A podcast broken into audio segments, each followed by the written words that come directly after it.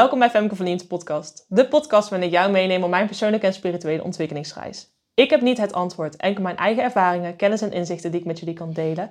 En wellicht ook die van anderen. En daarom ga ik in mijn podcast met gasten in gesprek over wat zij met de kennis van nu tegen hun jongeren zelf zouden willen vertellen. En vandaag heb ik Stephanie tegenover me zitten. En Stephanie doet energetisch coaching geven, zowel bij haar praktijk in huis als intern bij bedrijven. Ik wil jou ontzettend bedanken dat je vandaag de gast bent. En voor de mensen die jou nog niet kennen, zou je jezelf beter kunnen voorstellen? Ja, dankjewel Femke dat, uh, dat ik hier mag zijn vandaag. Uh, het klopt, ik ben energetisch coach. Um, ik geef uh, energetische behandelingen in mijn praktijk aan huis aan professionals, ondernemers en topsporters. En daarnaast geef ik die behandelingen ook intern bij bedrijven, zodat professionals meer energie um, hebben, een directe stressrelease kunnen ervaren, zodat ze voor, um, ja, voor, voor het bedrijf ook veel meer van waarde zijn en de klanttevredenheid ook omhoog gaat. En mijn podcast die gaat dan natuurlijk over wat zou je met de kennis van nu tegen jongeren zelf willen vertellen. Hoe was jij als kind?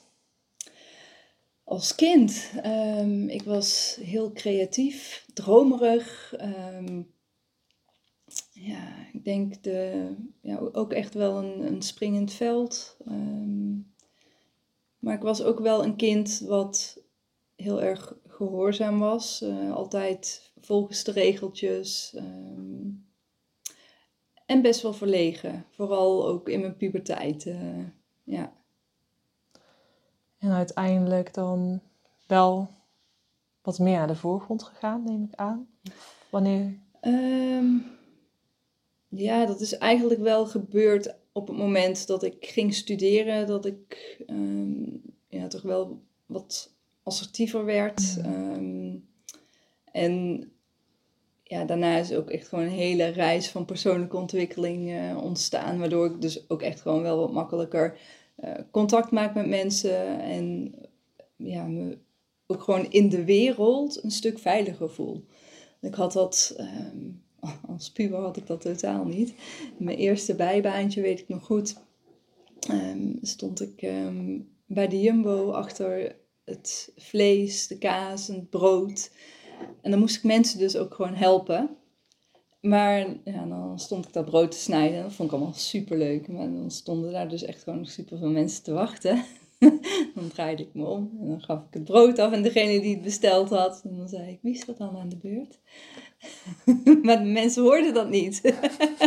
dus dat kwam zo, ja, echt, echt zo zachtjes uit me. nou, ik kroop bijna het liefst achter die machine. Um, ja, ik vond dat echt doodeng. Ja. En je bent natuurlijk energetisch coach. Was dat energetische gevoel dan ook um, al aanwezig vanaf kleins af aan?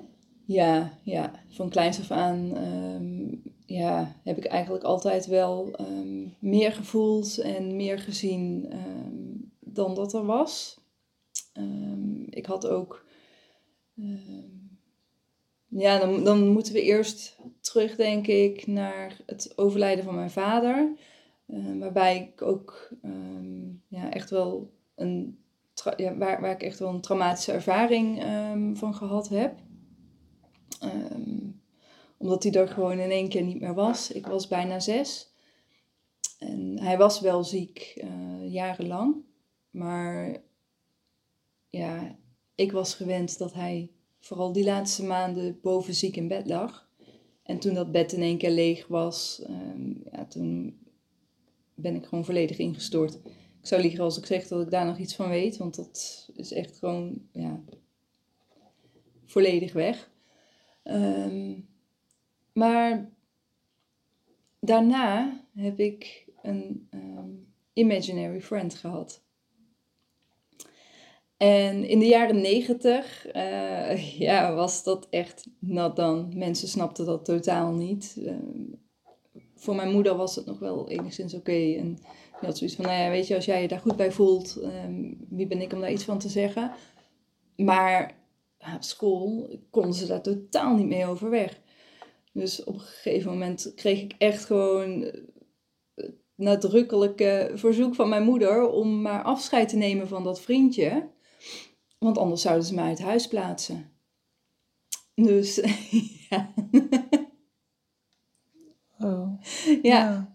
Dus ehm, ja, die. eh, Oh, ik denk dat daar ergens ook wel ehm, een, een soort van blokkade is ontstaan op alles wat ik voelde en wat ik zag. Ehm, dat is er voor mijn gevoel ehm, niet echt geweest. Alhoewel ik wel altijd mijn tentakels uit had staan. Ehm, Je sensitiviteit. eh, ja, ik voelde zo wel aan eh, hoe de sfeer ergens was. En ja, wat, ehm, ja wat, wat, wat goed was, wat niet goed was.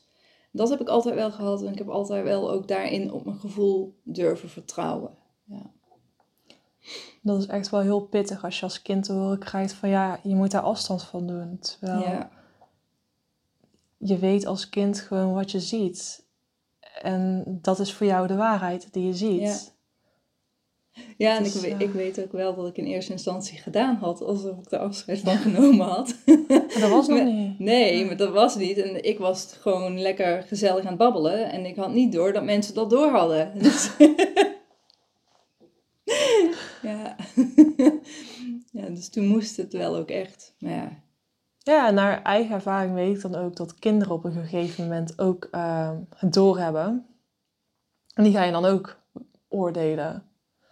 Of was dat bij jou niet het geval? ehm, hoe bedoel je dat? Dat, Dat eh, ze door hadden dat je met zo'n eh, imaginary friend dan aan het praten was. Dus ja. daarna ging je kijken van, oh, wat zit jij daar te pra- tegen wie te praten? Ja, ik weet niet of ik dat echt zo ook ehm, zo, zo expliciet gedaan heb, ook op school, echt Ja. in de klas. En, en misschien dat ze daarin ook wel ehm, juist heel erg snel gehandeld hebben Ja, vanuit precies. school. Ik, denk ik denk dat, dat ze daar wel heel erg strikt op zaten. Ik zat echt ehm, net op een nieuwe eh, basisschool voor het Mhm. overlijden van mijn vader.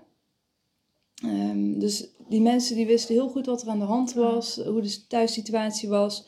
En we werden daarin ook echt gewoon wel ehm, ja, begeleid en ehm, opgevangen ook wel Mhm. op school. Dus, ik, en ik denk dat ze daarin gewoon heel snel gehandeld hebben. Want ik kan me niet herinneren dat ik daar ooit om gepest ben. Of, Oh nee. Nee. Ik ook niet, gelukkig. Nee, het was meer dat achteraf gezien, want ik ben op de basisschool wel echt ehm, gepest. Mhm. Ehm, ja, en achteraf gezien eigenlijk meer ook omdat ik gewoon altijd mijn gang ging. En wel ergens in mijn eigen wereld zat en gewoon lekker mijn ding deed. En ook gewoon niet reageerde op de pesterijen. Ja, ik huilde. Maar dat was alles. Ik deed Mhm. niks terug. Ik weet dat ik ook ehm, een keer thuis kwam, echt huilend. Ik was, ik, ik was zo. Mama, die en die zegt dat ik dun ben. En dat was dan het dikste meisje van de klas. Ja, wat heb jij dan gezegd? Dat die dik is? Nee, dat vind ik zielig. Ja, dus dat, ehm, dat, dat, dat zat er eigenlijk nooit echt in. En voor mij was het ook dat dat gewoon totaal geen, geen nut diende. Want waarom zou je kwaad met kwaad bestrijden? Dat heb ik eigenlijk altijd wel gehad en gevoeld. Van, ja, op deze manier ehm, eh, ja, ga je het ook niet voor elkaar krijgen. En je zei net dan van, er is een bepaalde blokkade opgekomen voor je gevoel energetisch. Wanneer is die weer geopend? Goh, dat is een goeie. Ehm, ik denk toen ik weer echt met persoonlijke ontwikkeling aan de, aan de slag ging. Terwijl tussendoor eigenlijk wel altijd, ehm, ja, ik heb, ik heb een bepaald helder weten. Mhm. Ehm, dat, dat is er eigenlijk tussendoor wel altijd geweest. Ehm, maar dingen echt ehm, zien, dat is nooit meer teruggekomen. Nee. Ook wel fijn ergens, denk ik soms. Of vind je het jammer? Ehm, nee, ja, ik vind het prima zoals het is. nee, ja, ik, ik zou niet weten ehm, hoe ik dan al die dingen zou gaan verwerken. En ja, nee, ik denk wel dat ik daar mee om zou kunnen gaan. Maar ja, wat, wat niet is, is niet. En ja, als het komt, dan komt het vanzelf. Het is niet zo dat ik daar nu heel bewust een, ehm, ja, echt, echt een blokkade Nee, op heb. Of geen angst dat, voor, Nee, nee. dat ik dat tegenhoud. Of, nee. En wanneer kwam je er dan achter dat het eh, energetische werk ook bestond? Dat je er iets mee kon? Joe. ehm. ja, ik denk ergens in mijn studententijd, toen kwam ik ook echt wel ehm, in aanraking met eh, de paranormale wereld. En ik heb altijd wel gevoeld ehm, dat ik iets kon met mijn handen. Ik weet dat ik heel vaak ehm, ook, en we hadden thuis een hond. En als ik de hond aan het aaien, dan voelde ik ergens iets en dan bleef mijn hand daar liggen. En daardoor ontspande de hond dan ook meer. Dat was wel heel bijzonder. Deed ik trouwens ook echt gewoon alleen maar als er niemand thuis was. De dieren vertellen het toch niet verder? Nee, precies. ja, dus ik, dat, dat heb ik altijd ergens gevoeld. En ehm, ja, ik, ik ben eigenlijk ook echt gewoon wel bij meerdere ehm paragnosten geweest. En eh, ja, ik heb daar heel veel ehm, ervaringen in opgedaan. En op een gegeven moment had ik voor mezelf zoiets van: ik weet dat ik iets kan. En ik wil dat eigenlijk ook wel leren, maar ik zou niet weten hoe. En toen op een gegeven moment had ik een relatie met iemand en in onze datingsperiode. En toen ehm deed ik iedere, eh, iedere zondagavond voordat ik naar huis ging, deed ik zijn hoofd. Ik hield gewoon zijn hoofd vast. En ehm, nou ja, dat deed ik dan tien minuten, een kwartiertje, want en dan klopte ik dingen af. Dat had ik gezien, maar dat voelde ook goed. Als in, dat moest ik dan op dat moment doen.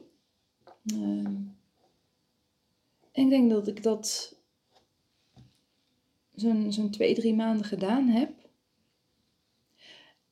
En hij had echt last van eh, rusteloze benen. Dus die kon geen moment stil blijven zitten.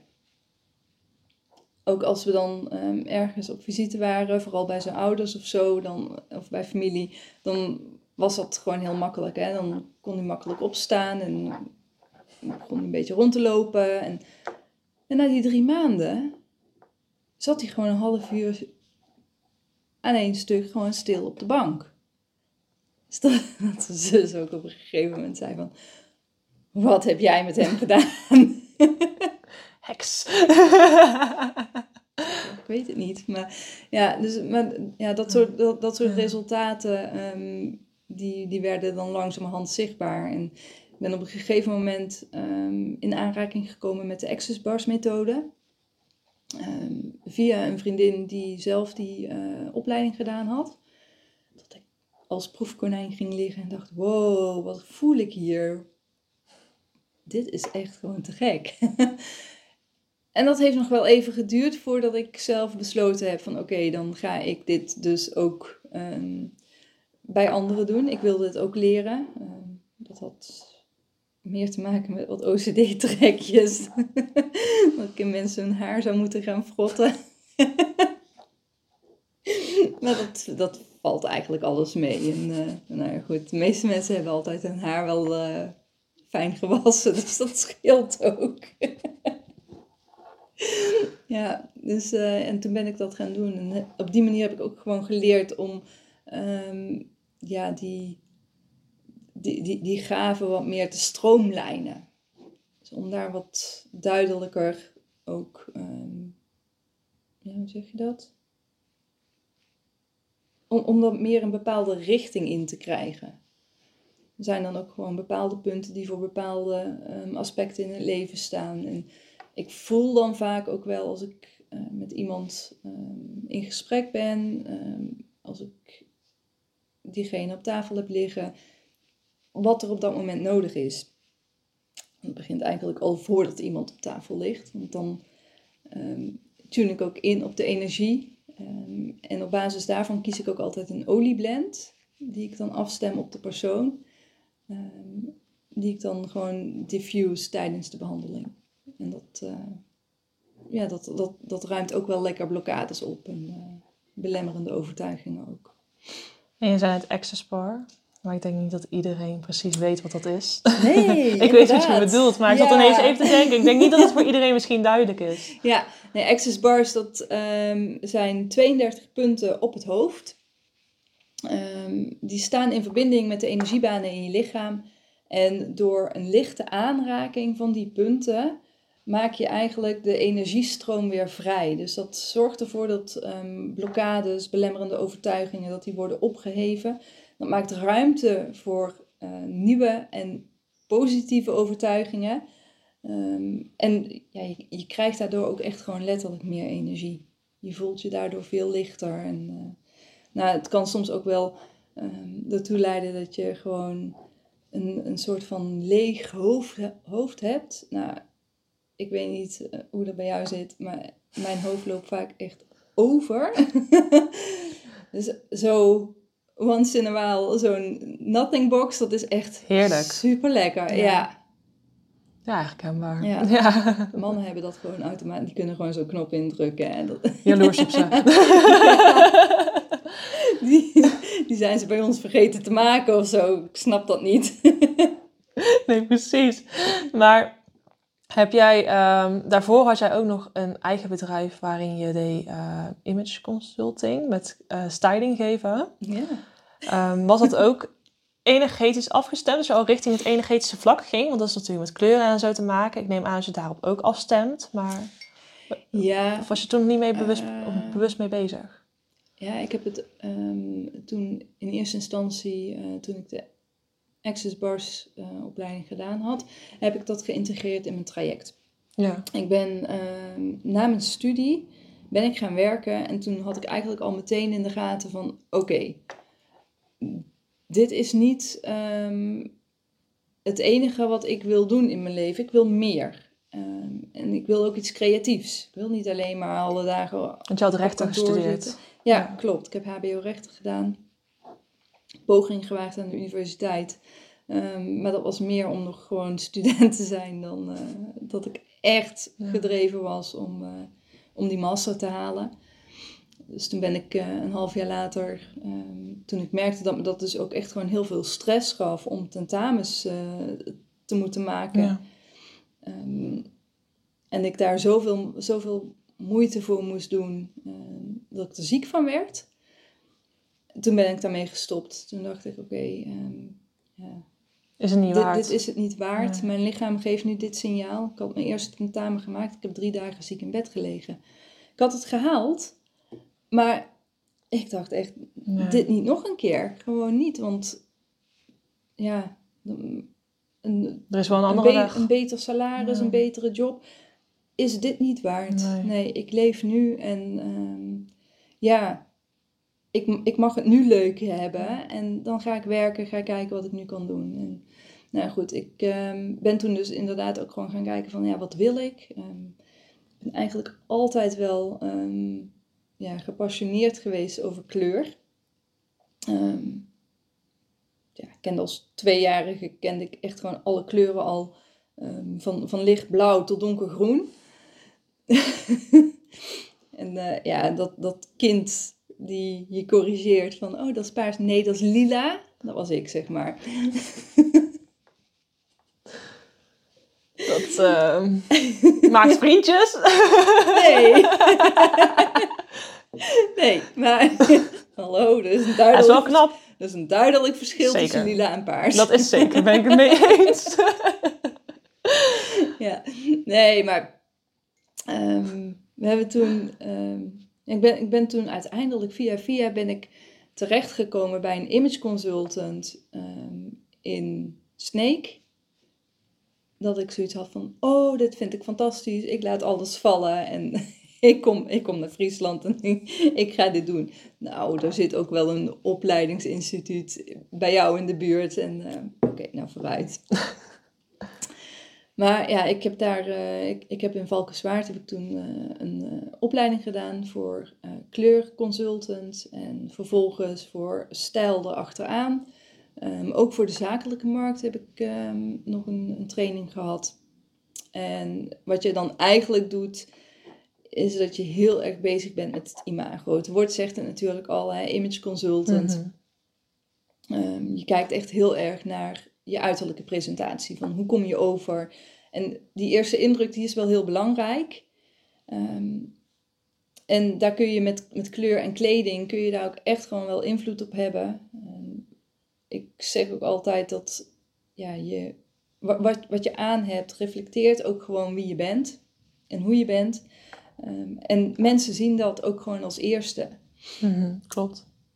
En ehm, kleur kan je dus ook echt gewoon heel erg ehm, ja, emotioneel ehm, beïnvloeden. En het geeft ook aan, je, aan je gelaat gewoon een heel ander beeld. Als jij een kleur draagt die eigenlijk niet zo goed bij je past, bij jouw uiterlijke kenmerken, dan zie je dat gelijk Ja. terug in je gezicht. Maar ja, ik, ik, ik had mijn eigen praktijk daarin opgezet. En nou, mensen dus ook kleuranalyses gegeven, stijlanalyses. Dat heb je ook best lang gedaan, toch?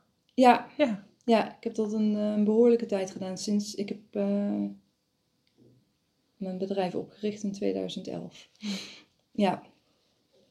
En ja, ik doe het nog wel, maar Op een andere manier. Ehm, nee, ik, ik heb dat traject heb ik nog wel, maar dat doe ik echt maar minimaal. Ik doe niet meer voor zoveel mensen. Ik heb op een gegeven moment, want ik, ik gaf kleur- en stijladviezen en ik merkte dus ook van, ja, weet je, als ik tegen, te- tegen jou zeg van, ja, weet je, zwart is niet jouw kleur, maar jij hebt jouw hele kast vol met zwart, dan heeft dat echt psychisch en emotioneel zo'n enorme impact.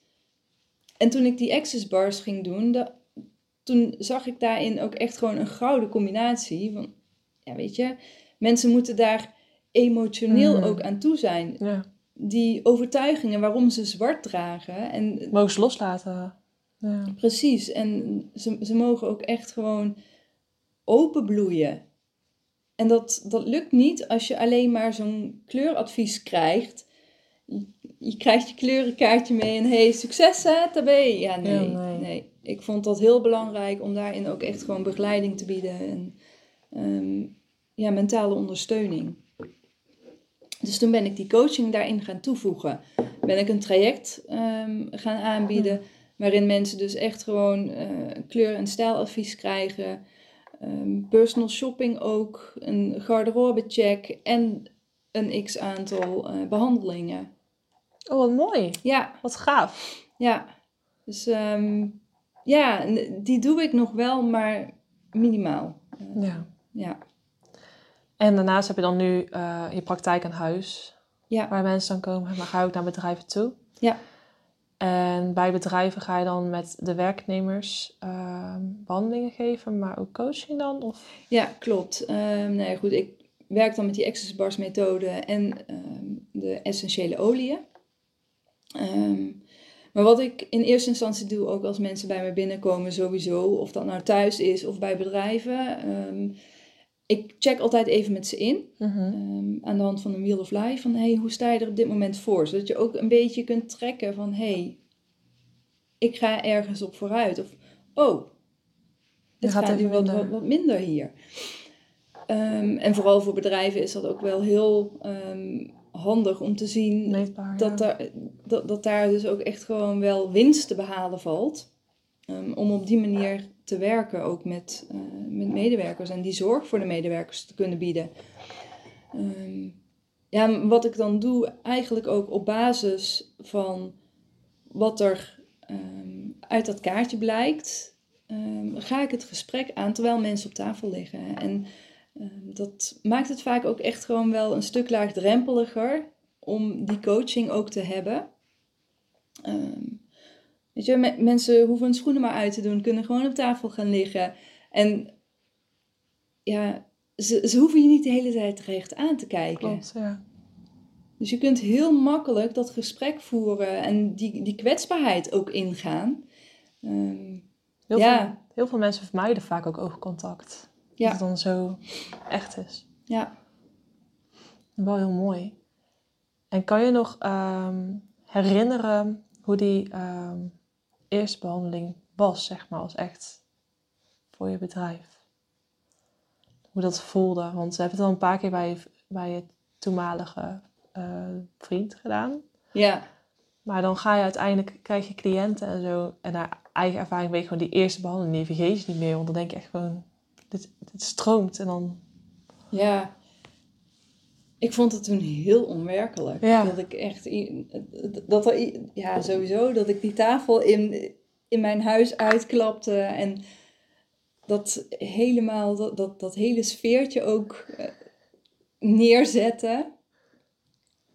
En het spookt hier.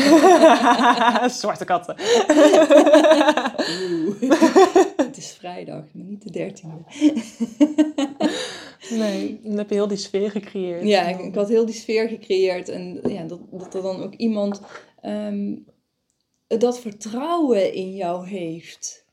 Om op die tafel plaats te nemen en te kijken van, hè, wat doe jij? En, want het, is vaag, hè? Het is niet uit te leggen. Nee. Het is te ervaren. Ja, en het mooie is ook dat je niet altijd iets hoeft te voelen. Klopt. Want sommige mensen denken van, oh, nu, nu heb ik pijn aan mijn knie en voel jij dat dan ook? Nee hoor, soms wel, maar soms ook helemaal niet. En je hoeft niet die energie te voelen stromen letterlijk. Kan wel, maar het hoeft niet. Het werkt echt op de diepere lagen werkt dat door. Het, ja, het is net zeg maar alsof ja, een soort van onderstroom of zo, denk ik. Ja. Als je het vergelijkt met een rivier die je ziet stromen. ehm, ja, het, het voelen, zeg maar, zou dan het oppervlakkige zijn. Hè? Wat je gewoon, als je aan de, aan de oever staat, dat je die rivier ziet gaan. Maar die onderstroom, die zie je niet. Nee, en ik eh, weet niet of je met de chakra's werkt. Ehm, nee, niet per se. Nee. Nee. Je hebt bij, ehm, ik zit even te denken, je zegt over een rivier. Bij Avatar heb je zo'n, eh, Avatar ken je wel toch, denk ik. eh, dat- Help me. Die Ang met die pijl, die dan de laatste airbender is. Oh die ja. dan eh, met al die elementen, ja, die. Daar heb je een bepaalde scène. Ik was als kind vroeger helemaal fan van. En dan leggen ze uit wat de chakra's zijn. En dan hebben ze zulke veel poeltjes, zeg maar zeven van die poeltjes. Mhm. En dan doorstromen er bijvoorbeeld drie. En dan bij die derde, tussen de derde en de vierde, zit dan een bepaald blokkade. En dan zegt hij van, dan haalt hij dat zee weer weg. En dan begint het zo weer te doorstromen naar alle zeven. Oh. En dan zegt hij zomaar, zo werkt het ook in jouw energetisch lichaam. Dat die chakras, of die onderstroom, moet doorstromen. En als er Mhm. ergens een blokkade zit, kan je die opruimen door de gedachtens weg te Ja. halen. En jij zegt dat dan zo, en ik zit te denken aan die scène. Maar als mensen bepaalde belemmerende overtuigingen hebben, dan is het ook, het, het heeft gewoon invloed op je energetisch lichaam. Mhm, Ja. ja, en op zich, ehm, ik, ik, ik voel dan vaak ook wel eh, bepaalde dingen waar het hem dan zit. Ehm, wat ik mensen soms ook wel vraag, ehm, is om een hand op hun buik te Mhm. leggen. Maar weet je, dan, dan heb je dat punt van die zonnevlecht te pakken. Of een hand op een hart. Dan heb je het hartchakra te pakken. Ehm, wil ook nog wel eens, en dit klinkt misschien heel eng en zweverig. En, maar het, het wil nog wel eens dat ik dan ook echt gewoon heel sterk het gevoel krijg dat iemand een, ehm, een, een edelsteen of zo op het hart moet hebben of op de buik. Dat is toch niet zweverig? Nee, maar ik, en ik zie, ik zie dan ook echt gewoon Ja. exact die steen die ik dan heb. En ja, nee, is, is, voor, is voor ons misschien niet zweverig, maar voor jou misschien wel.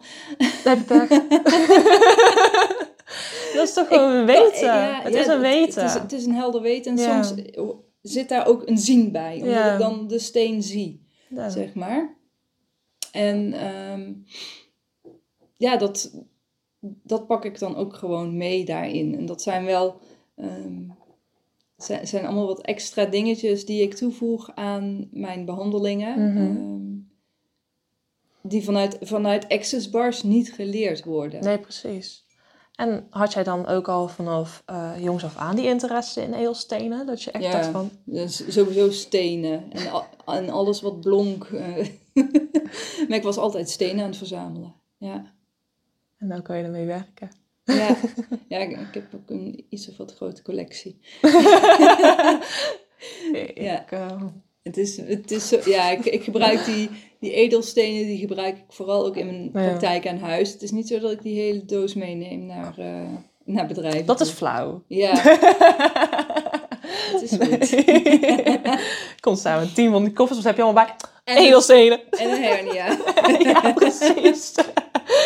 Nee. Nee, gaan we niet doen, niet. Maar wel mooi dat je dan zo duidelijk doorkrijgt. Want edelstenen hebben gewoon een bepaalde frequentie waarop... Ja. Dat is inmiddels denk ik ook ehm, wel meerdere keren gewoon gemeten door instrumenten. Dat je gewoon ziet dat er bepaalde vibraties uit stenen komen en uit hout en alles. Dus daarin, waarom zou een edelsteen ja, zo zweverig zijn? Het is gewoon natuur. Nee, en dat is, dat is Ja. precies ook met kleur, hè? Ja, precies. Ja. Kleur geeft ook een bepaalde vibratie af. En dat heeft invloed ook op emoties van jezelf, maar ook van anderen. Dus eh, ja, wat dat betreft, als je je daar eenmaal een beetje van bewust bent, dan is dat ook wel heel erg leuk om daarmee te kunnen spelen. Ja, Ja. dat geloof ik. Ja, Maar dan heb je die sensitiviteit. En dan heb je dat ook al vanaf jongs af aan. En dan heb je uiteindelijk dan dit. Maar het wordt, eh, voor mijn eh, gevoel wordt het vaak alleen maar sterker. Omdat je natuurlijk aan het ontwikkelen bent erin en zo. Dus die prikkels worden ook ehm, vaak meer wat er binnenkomt. Zeg maar, het- je ziet meer indrukken. Dus dan prikkels, Hmm. ja, of je voelt meer. Of, snap je een beetje wat ik bedoel? ja, Ja. dieper. Je voelt het dieper, dankjewel, dat woord zocht ik. Dieper. Ja. Ik voel ehm, steeds dieper waar het vandaan komt. Ja. En hoe blijf jij dan bijvoorbeeld eh, die rust in jezelf bewaren? Ehm, ik blijf afstemmen met mezelf en checken ook. ehm.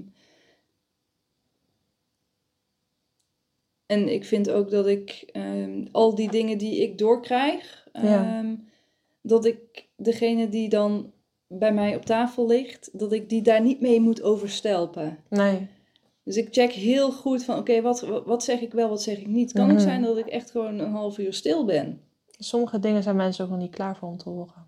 Ja, en soms. ehm, ja, ik, ik, ik weet niet wat dat is. Soms als ik iets niet doorkrijg, dan kan het ook gewoon in die onderstroom allemaal doorwerken.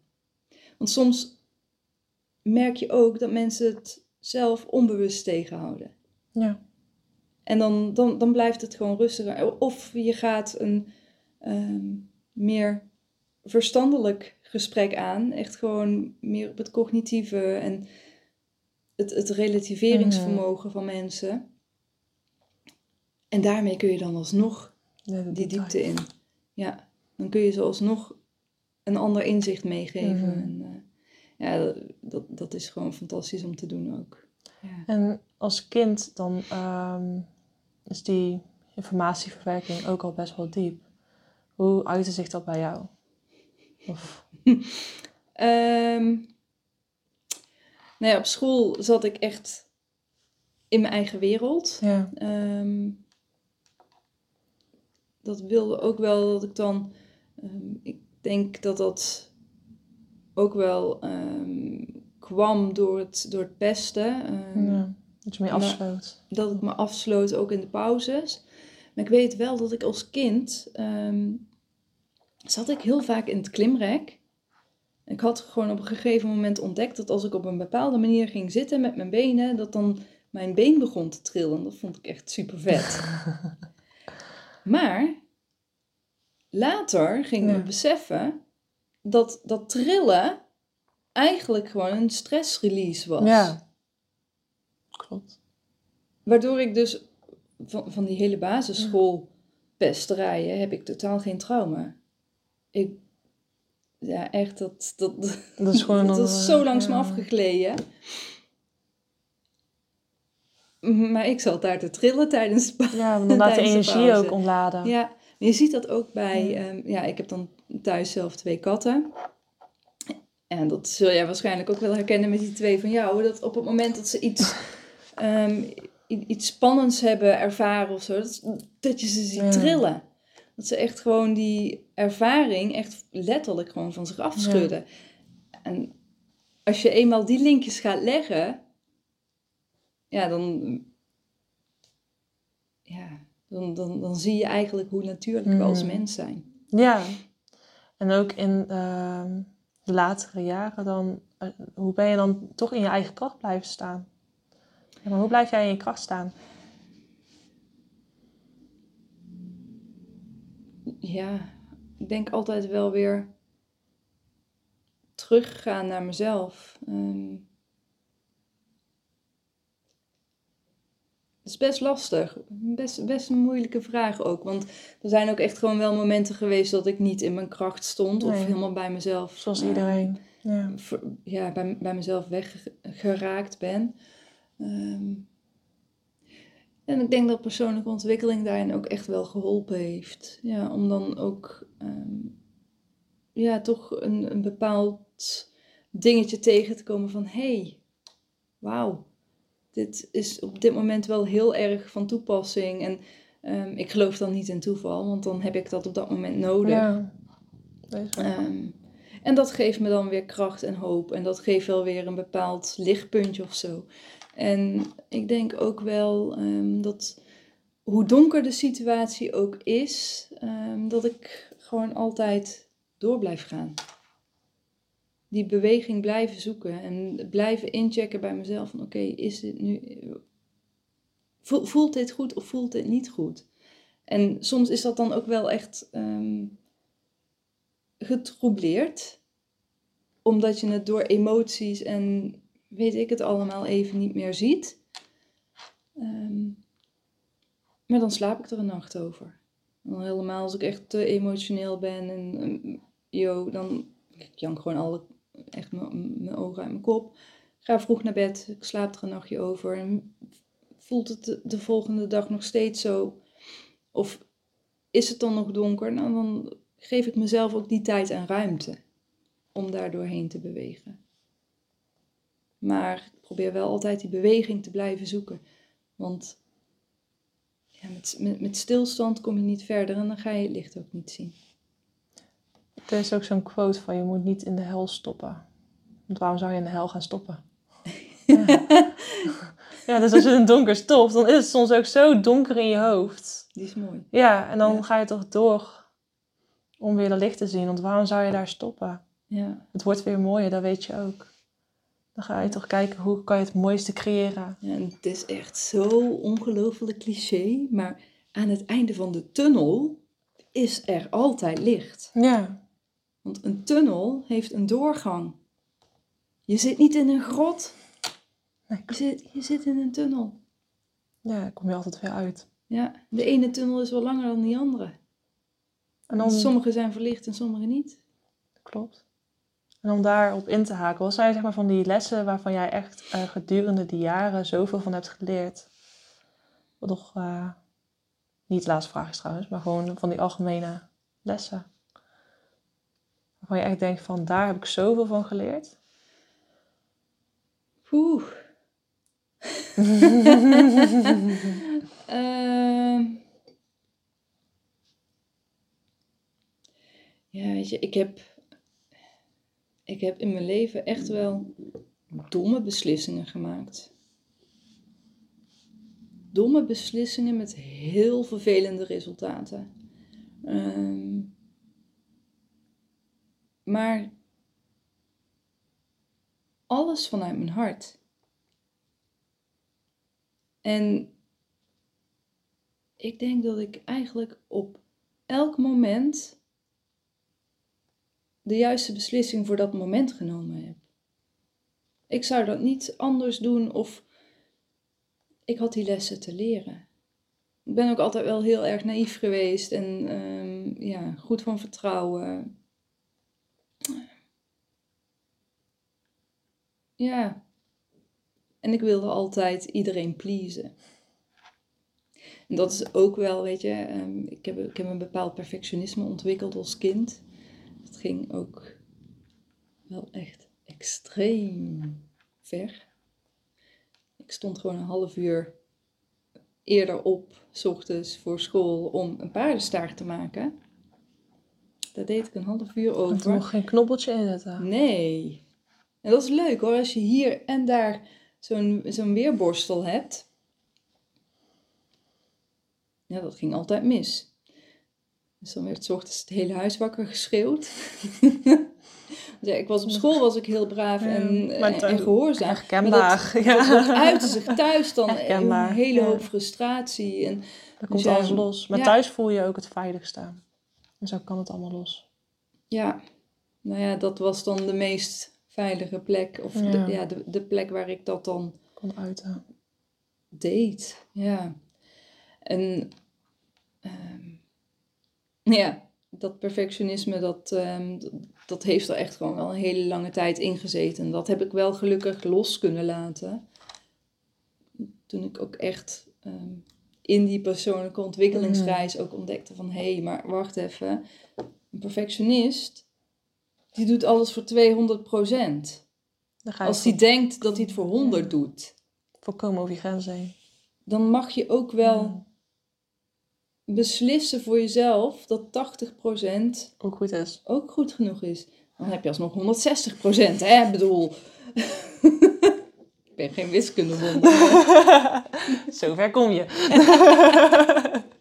ja, precies. Maar weet je, en dat stukje los kunnen laten, Ja. dat, dat geeft al zoveel rust. Ehm, en dan heb je nog het stukje andere mensen willen pleasen. En omdat dat, er, dat, dat zit er ergens ook wel in. Ehm, ja, van, van kleins af aan. Het, het- om, omdat ik toch altijd wel al die... ehm, Behoeftes aanvoelde. ja, en die situaties, de energieën, de stemmingen. En daardoor Mhm. ging lopen. Ehm, terwijl ik aan de andere kant ook gewoon scheid had aan al mijn klasgenoten. En gewoon lekker mijn eigen ding deed. Dus ja, ik heb daar ergens ook wel weer een, een, weg in gevonden. En dat people pleasen doe ik nu dan door ook echt gewoon mensen te helpen met hun ehm, ja, problemen, issues, stressrelease. eh, gewoon mensen echt meer, meer, meer licht en meer veerkracht eh, te kunnen geven in hun leven. Het is toch mooi dat je zo dan eigenlijk de ehm, obstakels waar je tegenaan liep, hebt kunnen ombuigen naar kracht. Ja, En dan ga je kijken juist waar liggen mijn kwaliteiten. Dan Ja. kan je die inzetten. Nou ja, perfectionisme, het hoeft niet negatief te zijn als je weet hoe je het goed kan inzetten. ja. En dat doe je dan. Ja, precies. Kijk, het was natuurlijk ook wel gewoon handig geweest als een kapper me veel eerder had verteld van ja, maar je hebt die dingetjes ja. daar, dus dan gaat het daar altijd mis. Ja. En je kunt dat er Dat op een schuine manier kun je het eroverheen kammen hè, en dan lijkt het alsof het recht zit. Oh. ja. In dat geval. Op deze manier, nee. Ja. Nee, ja. wel heel mooi. En dan is er nog een les dan eh, geweest waarvan je echt denkt... eh, Is dat de laatste vraag? Wat Nee, nog niet. Nee, Nee. nee. want ik, heb, ik heb daar heel wat over nagedacht over de laatste vraag. is, is er nog een les geweest? Ehm.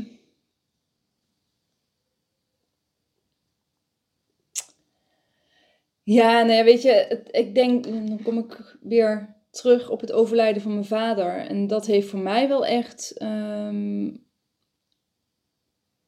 van, vanaf dat moment heb ik eigenlijk altijd heel erg in het moment proberen te leven. mhm. Ehm, ja, pluk de dag was mijn credo. En ehm, ja, je, je kunt het niet meenemen je kist in. Nee, dus klopt. ik heb wat dat betreft altijd heel erg in het moment geleefd, nooit zoveel eh vooruit gekeken.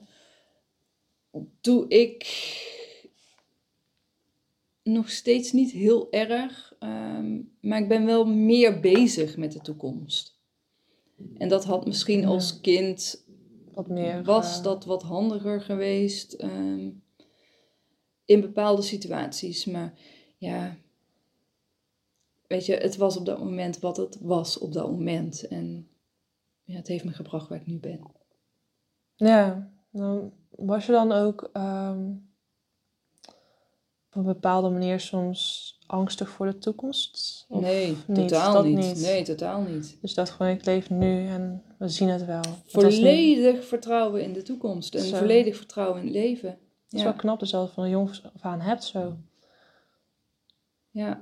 ja, maar ook lang niet altijd gehad, hè? Nee. Nee, er zijn ook echt gewoon wel momenten ehm, geweest, en soms ook nog wel, dat ik het toch wel lastig vind. Maar ja, dat, het, het is altijd. Het is altijd goed gekomen.